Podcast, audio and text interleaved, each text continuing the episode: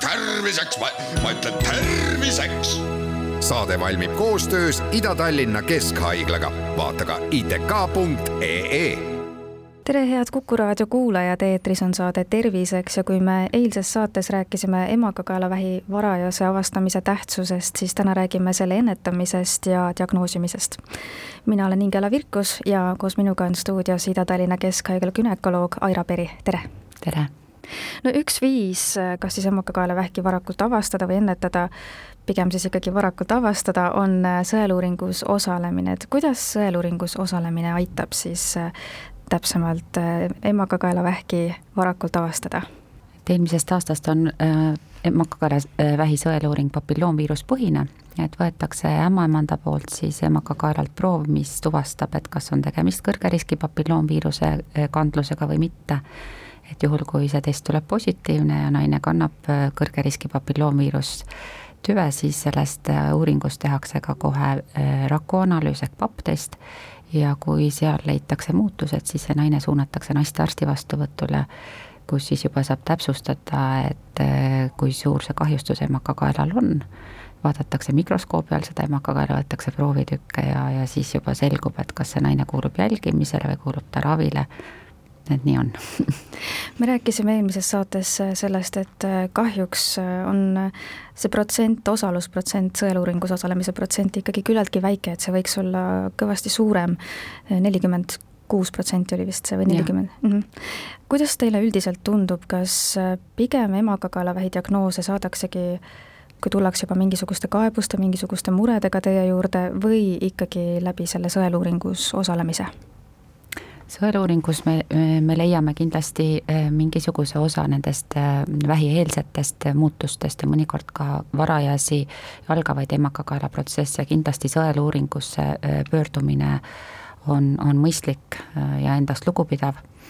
Aga kahjuks neid emakakaela vähijuhtumeid me leiame siis, kui on tegemist juba sümptomaatilise emakakaela vähiga ja kus on see ravi juba oluliselt komplitseeritum millised on need siis põhilised siis võib-olla kaebused, millega juba teie juurde tullakse? kaebused on veritsused, veritsused vahekorrajärgselt, tsüklivälised veritsused või lausa verejooksud. ja need on juba siis, kui emakakaelavähk on juba küllaltki kaugele arenenud? just. on selliseid vähivorme või vähki võimalik veel ravida?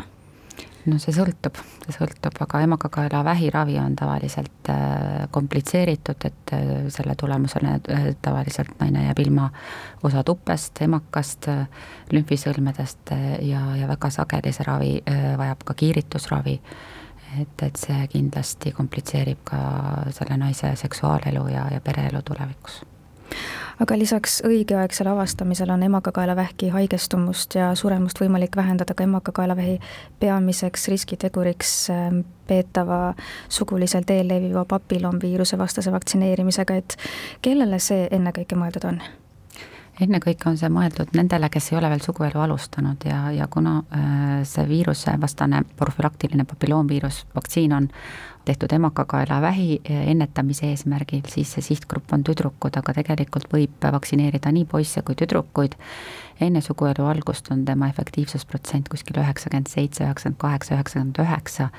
ja ta on siis suunatud kindlalt nende kõrge riski papilloomviirustüvede vastu. et kahjuks ta ei sisalda päris kõikide kõrge riski äh, papilloomviirustüvede vastast kaitset, aga ütleme, et praegu see, mida meie Eesti tüdrukutele äh, pakutakse, et see on ligi üheksakümmend protsenti katab ära selle kõrge riski vajaduse on see ühekordne vaktsineerimine, et siin äh, Covidi valguses on see, et kui palju tuleb vaktsiine teha, kuidagi väga selline aktuaalne teema ja küsimus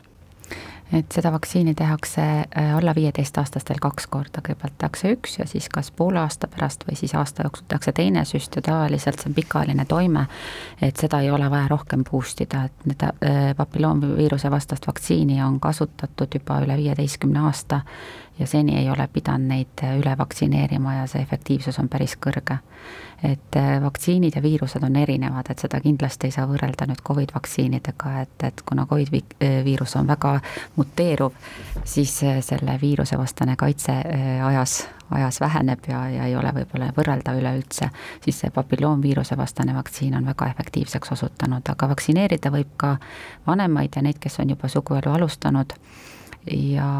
eh, ta pakub sellisel juhul küll natukene väiksemat kaitset kui üheksakümmend üheksa protsenti,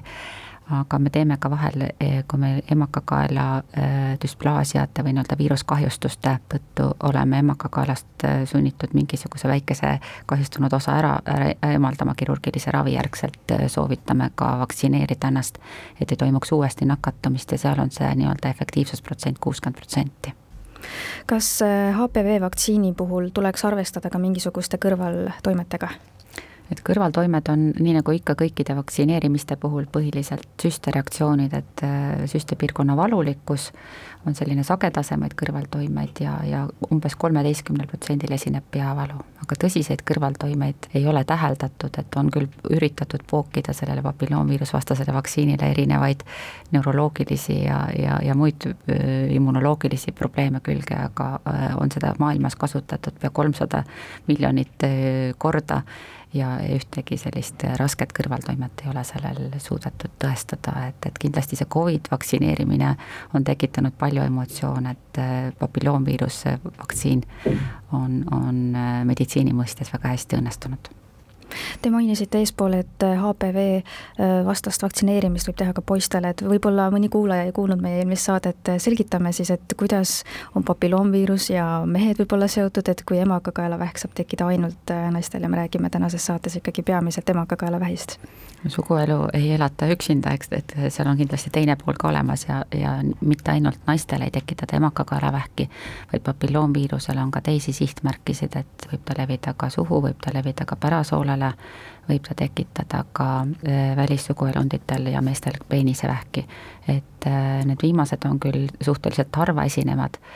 aga nad ei ole olematud, et iga sellise võõr, võõrnäsa või, või limaskeste muutuse puhul tasub ennast arstile näidata kui aktiivsed äh, selle vastu vaktsineerijad üldiselt Eesti naised on? Kuna äh, lastele on ta, või mitte lastele, vaid meil on nii-öelda see mm, Haigekassa poolt rahastatud riiklik projekt, mis on kahe tuhande kaheksateistkümnenda aasta veebruarist võimalik, on ta tasuta kaheteistaastastele ja oli ta alguses ka kuni neljateistaastastele, siis need, kes jäävad sellest sihtgrupist välja, nendel on see tasuline ja see üks vaktsiin maksab umbes sada kolmkümmend kuni sada nelikümmend kaheksa euri, see sõltub, kus ja kuidas teda teha. ja ütleme, et vanematele kui viieteistaastastele tuleb seda süsti teha kolm korda. aga tüdrukud, et kui, kui populaarne see vaktsiin nende seas on? et äh, siin eelmist aastat ja no ütleme, et need viimased Covid aastad me ei saa seda aktiivsust äh, väga niimoodi arvestada, sest natukene on see võib-olla koolis käimine, mittekäimine äh, mõjutanud, et kuna seda vaktsineerimist viib läbi kooliõde et siis see efektiivs- või see protsent äh, vaktsineerimisel on kuskil kuuskümmend neli ja, ja natukene rohkem, aga see kooliti erineb, et mõnes koolis on nii-öelda need vaktsineerimisvastased vanemad või vaktsineerimises kõhklevad või seal on ka palju selliseid dilemmasid ja küsimusi, et, et tegelikult see efektiivsus sõltub ikkagi teadlikkusest ja sellest informatsioonist, mida me avalikkusele anname aga sellegipoolest äh, võiks äh, ka vaktsineeritud naine sõeluuringus osaleda, et jaa, kindlasti, sellepärast et nagu ma eel, eelpoolt mainisin, et et kuna see ka profülaktiline vaktsiin ei kata päris kõiki äh, viirustüvesid, mis on kõrge riskiga ja, ja vähi, vähiteket soodustavad, et siiski kõik vajavad aeg-ajalt kontrolli ja see sõeluuringud on meil viieaastaste vahedega, et kindlasti naine võiks natuke sagedamini kui viie aasta tagant käia käime üle siis selle ka, et keda te sel aastal emakakaelavähi sõeluuringule ootate? et äh, sõeluuring algab nii-öelda Haigekassa poolt äh, rahastatult äh, alates kolmekümnendast eluaastast kuni kuuekümne viienda eluaastani ja tehakse see siis iga viie, viie aasta, et need, kellel on nulli ja viiega lõppevad vanused, et neid siis oodatakse, nii ravikindlustatud kui ravikindlustamata naised. ja see analüüsi võtmine on nendele tasuta et kui naine pöördub nüüd äh, naistearsti juurde, mitte, mitte ämmaemanda poole, mis on sõeluuring, siis, äh, siis on natuke äh, teistmoodi, et kuna korraldus, meditsiinikorraldus on pigem selline, et me ootame ämmaemandate juurde ja sealt siis suunatakse vajadusel edasi, et siis soovitan pöörduda esmaselt just sõeluuringu vastuvõttudesse kui naine ei ole kutset saanud, et see ei pea olema kirjalikult postkasti tulnud või, või, või meili peale, et piisab sellest, et kui te oma isikut tõendava dokumendiga tõendate oma sünniaastat, et siis teid võetakse vastu aitäh teile saatesse tulemast ja nõu andmast, Ida-Tallinna Keskhaigla gümnakoloog Aira Peri ning äh, kõike head teile! aitäh teile ka!